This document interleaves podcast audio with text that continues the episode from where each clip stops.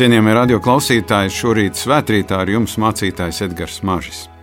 Un mēs ieklausīsimies vārdos, kas uzrakstīti Mateja evaņģēlija 5. nodaļā. Kad Jēzus ļaužu pulku redzēja, viņš uzkāpa kalnā un nosēdās, un viņa mācekļi sapulcējās pie viņa.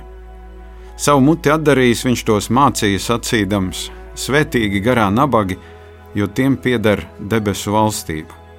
Svētīgi tie, kam bēdas, jo tie tiks iepriecināti, svētīgi lēnprātīgie, jo tie iemantos zemi, svētīgi izsalkušie un izslāpušie pēc taisnības, jo tie tiks pārēdināti, svētīgi žēlsirdīgie, jo tie dabūs žēlastību, svētīgi sirdšķīstie, jo tie dievu redzēs, svētīgi miera nesēji, jo tie tiks saukti par dievu bērniem, svētīgi taisnības dēļ vajātie, jo tiem pieder debesu valstība Svētīgi jūs esat, ja jūs lamā un vajā un ar meliem par jums runā visu ļaunu manis dēļ. Esiet priecīgi un līksmi, jo jūsu alga ir liela debesīs, jo tā tie vajājuši praviešus, kas pirms jums bija. Āmen!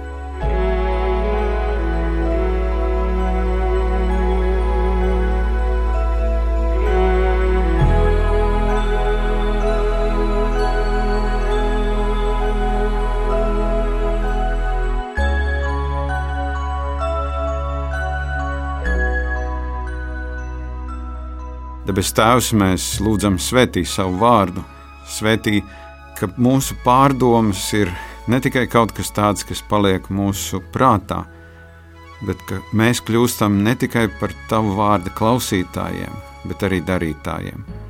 To lūdzam caur Jēzu Kristu mūsu kungu. Āmen!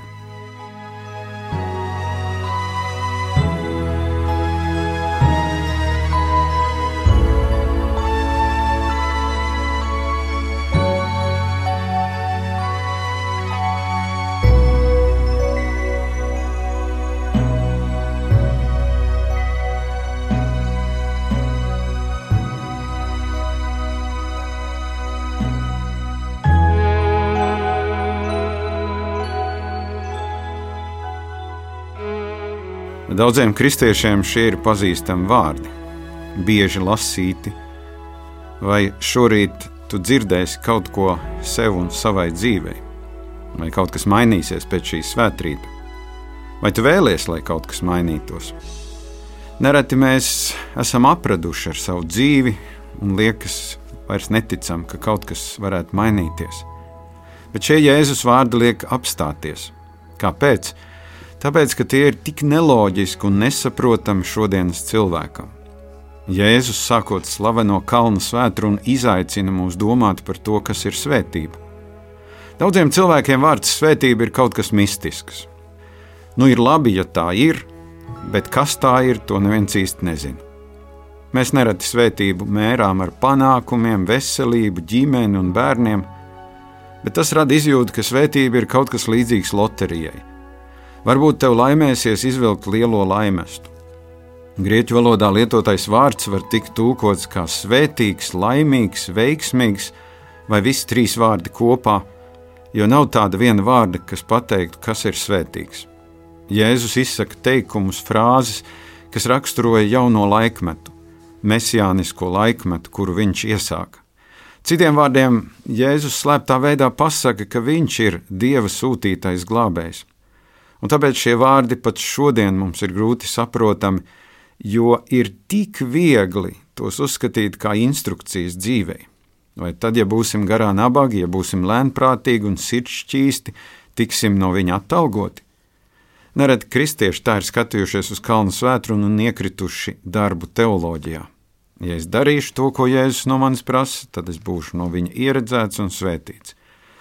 Bet, mīļie draugi, šie standarti ir tik augsti, ka neviens no mums nespēja tos izpildīt. Un mēs sākam dzīvot ar vainas izjūtu. Vēl vairāk šie jēzus vārdi ir tik sveši mūsu cilvēciskajai dabai, mūsu miesīgajam cilvēkam, ka mēs tos nesaprotam. Un liekas, Jēzus mums kaut ko grib uzspiest, kas mums tā īsti nedara. Varbūt tieši tāpēc mums patīk lasīt šos pantus, kā tādus skaistus pantiņus, bet mēs viņus neizdzīvojam ikdienā bet mēģināsim palūkoties uz šīm svētībām mazliet savādāk. Ja mēs šos teicienus lasītu nevis kā gudrības pamācības, kā dzīvot, bet gan kā pravietisku mācību par Dievu valstību, tad mums, lasot šos pantus, būtu jādomā nevis par sevi vispirms, kuram jāpilda kādi Dieva nosacījumi, bet par Dievu, kurš darbojas mūsu dzīvēm. Ir starpība, vai mēs sakām, svētīgi tie, kas raud, jo viņu asaras tiks atalgotas, vai arī svētīgi raudošie, jo Dievs ir žēlīgs un Viņš darbojas, lai tavas asaras nožāvētu. Un tad mēs redzam, ka šie vārdi nav kāpnes uz debesīm, bet gan Dieva darbs cilvēkā, kurš ir sācis viņam ticēt. Dieva darbošanās tevī un manī, Dievs, kurš veido tevi un mani. Un tas ir nevis paša cilvēka darbs, bet Drīzāk tā ir ļaušana svētajam garam tevi un manī veidot šīs īpašības un vērtības. Un mēs varam priecāties par Dievu, kas ir aktīvs un kas veicina arī mūsu aktivitāti. Tā nav pasīva dzīve, kā dažreiz cilvēki saka, domājot par kristiešiem, bet gan aktīva līdzdarbošanās kopā ar Dievu. Un ja manī nav šo īpašību, par kurām runā Jēzus, tad man jālūdz, lai Dievs turpina iesākt to darbu manī lai tā ir ikviena cilvēka lūkšana pēc šīm dievu valstības svētībām. Vispirms gara nabadzība, lēnprātība un žēlsirdība. Jēzus aicina domāt par sevis iztukšošanu, jo mēs esam cilvēki, kas lepojas, kas tiecas pēc statusa, kas grib tikt ievēroti. Gara nabadzība nav ne ierobežota domāšana, ne arī psihes defekts. Mums pašiem ir iespējama tikai mazvērtības kompleksu radīt iztukšotības izjūta. Jā, tik bieži mēs sakām, es neko nevaru, es esmu nabadzīgs, man neviens nemīl, man neviens nesaprot, bet tam ir maz sakars ar gara nabadzību, par kur runā Kristus. Pravietis iesaistīja tālā senatnē sacīja, jo tā saka tas augstais un varenais, kas mūžīgi dzīvo, viņa vārds ir svētais. Es dzīvoju augšā un svētnīcā, un pie tiem, kam sagrausts un pazemīgs gars, lai atdzīvinātu garu pazemotiem un spirdzinātu sirdi sagraustiem. Dievs nāk un valda tajos, kas ir pazemīgi savā garā. Līdzīgi kā Jēzus līdzībā minētais muitnieks, kurš apzinājās, ka ir grēcinieks, ka viņā nav nekā tāda, ar ko varētu lepoties Dievu priekšā. Un būtībā gara nabadzība ir ļaut Dievam tikt galā ar manu lepnumu, ar manu vēlmi salīdzināt sevi ar citiem. Un tā ir neveiksmīga cīņa, ja mēs domājam, ka paši to varēsim izdarīt. Dievs nāk un man palīdz atbrīvoties no tiem dvēseles gružiem, kas manī tik viegli ienāk un sakrājas. Un ja Dievs turas lepniem pretī, bet pazemīgiem dod savu labvēlību, tad man jāmācās šo dievišķo sēklu no Dieva saņemt, lai tā uzdīgtu un augtu manā sirdī. Un gara nabadzība ir saistīta gan ar lēnprātību, gan žēlsirdību. Jēzus pats bija lēnprātīgs, mācot cilvēkiem pazemības paraugu stundu. Vislielākā no tām bija tad, kad viņš mazgāja saviem mācekļiem kājas. Viņa lēnprātība bija tas pats, kas pazemība, jo tikai pazemīgs cilvēks spēja neuzlūkot citus augstākus par sevi. Un tas ir pamats žēlsirdībai, kas māca mūs dzīvot ar redzīgām acīm, lai palīdzētu tiem, kuriem ir grūti. Dievs ir žēlsirdīgs, un mēs esam aicināti šai dieva īpašībai ļaut augt mūsos. Bet tajā pašā laikā jāapzinās, ka dieva valstība ir nevis par manu individuālo labsajūtu, bet gan par dzīvi kopībā ar citiem. Un tad ir tik svarīgi augt lēnprātībā un žēlsirdībā, apzinoties, ka dzīve sabiedrībā nav viegla. Lēnprātība un žēlsirdība nav raksturiezīmes. Tas ir kaut kas pārdabīgs, ko Dievs var izdarīt katra mūsu dzīvē, bet tas prasa no mums ilgošanos pēc Dieva svētuma. Noskumšana, sirdsšķīstība un miera nešana. Vārdam noskumušie vai apbēdinātie ir divas nozīmes raudāt tad, kad esam zaudējuši mīļu cilvēku vai kādu svarīgu lietu, vai arī skumt par saviem grēkiem. Dieva valstības cilvēki apzinās savu grēcīgumu un raud par saviem grēkiem, tos izsūdzot Kristumu. Tās ir ilgas pēc sirds skaidrības, kas mūs tuvina Dievam. Skaidra sirds, kurā nav viltības, kur ir patiesa, kur ir atvērta citiem. Un tas ir tik skaists ceļš, kurā Kristus pārveido mūsu domāšanu, mūsu uztveri un skatu uz dzīvi, jo Dievs ir svēts un Viņš vēlas mūs arī redzēt svētus. Tādus, kas bīstas grēku un tiecas pēc labā un patiesā, tādus, kas ir miera turētāji un nesēji šajā pasaulē. Cilvēks, kura sirds veidojas tīra, nebūs tāds, kas vienmēr radīs konflikts un strīdus, Mēs esam aicināti nest Kristus mieru, bet vispirms tam jānāk mūsos pašos. Un tas atkal ir Dieva darbs pie manis - mērķtiecīgs, kluss un noteikts, jo miers ir viena no Dieva valstības iezīmēm. Nevis tāds miers, kur visi baidās, bet iedrošinošs miers, kad varam uzticēties un paļauties viens uz otru. Miera nesējs ilgojas pēc tā, lai šajā pasaulē nebūtu apspiesto un pazemoto, lai miers būtu visiem. Tāpēc tiem, kas ir miera cilvēki, šis gads ir bijis tik grūts, domājot par šo šausmīgo karu, kur Krievijas okupanti plosa Ukrainas zemi. Un tad ir skumji. Tad ir skumji, tāpēc ka blakus tam ir arī ilgas pēc taisnības. Jēzus sacīja, svētīgi izsalkušie un izslāpušie pēc taisnības, jo tie tiks pāēdināti. Kas ir taisnība? Vai to mums dod Dievs, vai to mēs paši darām? Latvijā ministru kabinetā ir vārdi viens likums, viena taisnība. Bet sabiedrībā ir tik daudz netaisnības, ka ir viedoklis, ka šo uzrakstu jāņem nost. Dievs mums dod savu taisnību, un mēs esam aicināti pēc šīs taisnības dzīties. Lasot iesaistīts grāmatas 61. nodaļu, redzam, ka Dieva taisnība ir saistīta ar brīvību visiem tiem, kas ir apspiesti, pazemoti.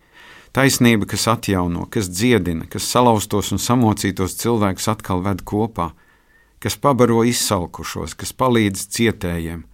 Taisnība, kuras ir tik maz mūsu sabiedrībā bet ir labi ilgoties pēc šīs taisnības un apzināties, ka Dievs, vienīgi Dievs var mums to dot. Mūsu pašu taisnība bieži vien ir pilna ar grēku. Pravietis Iesai saka, tā mēs visi esam palikuši kā nešķīsti, un visa mūsu taisnība ir kā sārņēns tērps. Mēs novīstam kā lapas, un mūsu grēki mūs aizrauj kā vējš. Lai kādi būtu cilvēka ideāli taisnīgai sabiedrībai, Tā nav iespējama mūsu grēcīguma dēļ. Tāpēc mēs lūdzam, lai Dievs savu taisnību iedēst mūsos, ka mēs kļūstam par tiem, kas spēj viņa spēkā mainīt šo sabiedrību. Jo Dieva valstība ir kaut kas daudz plašāks kā baznīca un draudzene. Dieva valstība ir nākusi šajā pasaulē ar Kristus ienākšanu. Un mēs dzīvojam laikā, kad Kristum pieder visa vara debesīs un virs zemes, bet joprojām grēcīgā pasaulē – kur mums jāapzinās arī māceklības cena.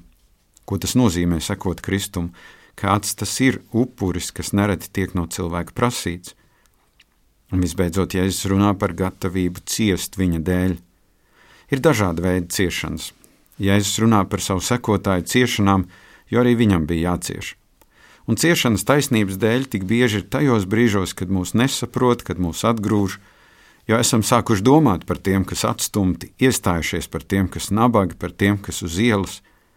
Vai nav tā, ka ir tik cilvēcīgi novērsties no tiem, kas iespējams paši vainīgi savā nabadzībā un salauztībā? Bet Kristus iesēja mūsos savu taisnību, un mēs vairs nevaram būt vienaldzīgi. Svētais gars sakustina mūsu sirdis, lai mēs kļūtu darbīgi, ciešanas taisnības dēļ un ciešanas Kristus dēļ. Tā ir daļa no Dieva valstības, kuras locekļi mēs esam. Jo mēs vēl neesam debesīs, un mūsu ciešanas mūs padara solidārus ar pašu Kristu, ar praviešiem, kas bija pirms viņa, ar visiem Dieva cilvēkiem, kuru dzīvē ir bijušas un ir ciešanas. Jo Dieva valstības ceļš ir atsacīšanās ceļš, kad mēs apzināmies, ka nedzīvojam sev vairs, ka mums jāmācās dzīvot citiem. Jēzus nosauc par svētīgiem tos, kuri ir Dieva valstībā. Ne tāpēc, ka tagad var gulēt un atpūsties, bet gan tāpēc, ka viņš nepārtraukti strādā pie mums, veido, pārveido, maina, dod jaunu redzējumu dzīvei.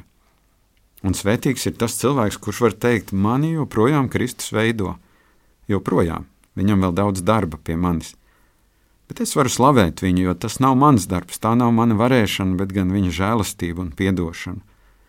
Un es esmu svētīts, tāpēc, ka viņš mani dara par svētīgu. Šie nolasītie vārdi, ko es sākumā lasīju, nav skaisti pantiņi, ko rakstīt dzimšanas dienas kartiņā. Šie vārdi ir Jēzus klātbūtnes apliecinājums, viņa apsolījuma un iedrošinājuma, jo dzīve ar viņu ir krāsaina. Tajā ir visas krāsas, un tās ir skaistas. Āmen!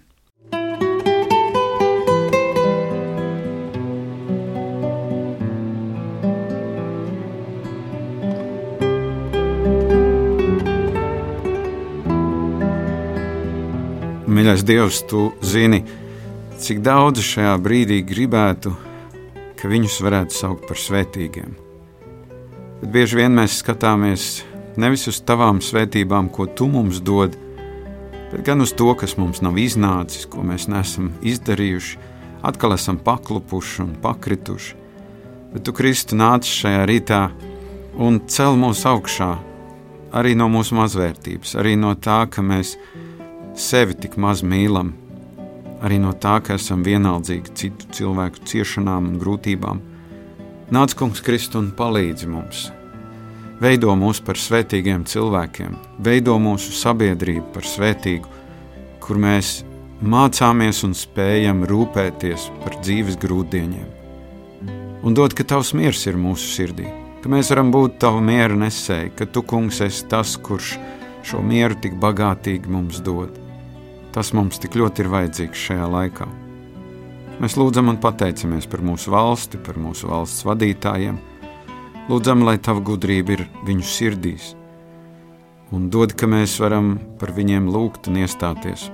Pasargi mūs no pārmērīgas kritikas, kur redzam tikai slikto un neredzam vairs labo. Bet dāvā mums redzīgas acis ieraudzīt skaisto un labo. Mēs lūdzam Dievu par mieru Ukrajinā Kungs dod, ka šis karš var beigties, izdzen šos okupantus no Ukraiņu zemes. Un palīdz visiem, kas šajā brīdī cieš, kas ir zaudējuši tuviniekus, kas uh, ir ievainoti, kas ir zaudējuši visu, kas viņiem ir, savas pajumtes un savus ienākumus. Apžēlojies, Kungs! Un paldies, ka mēs varam šeit Latvijā dzīvot mierā. Palīdzi mums būt saticīgiem.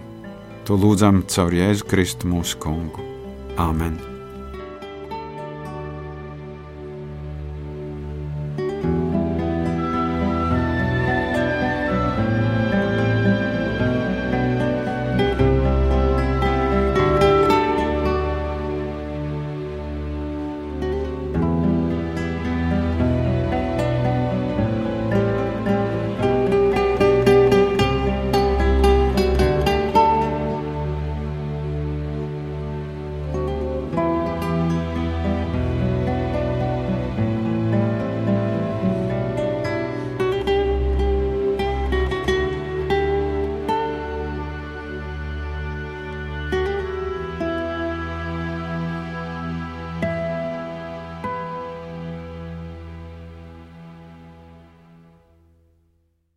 Šajā svētkrītā ar jums kopā bija mācītājs Edgars Māržis.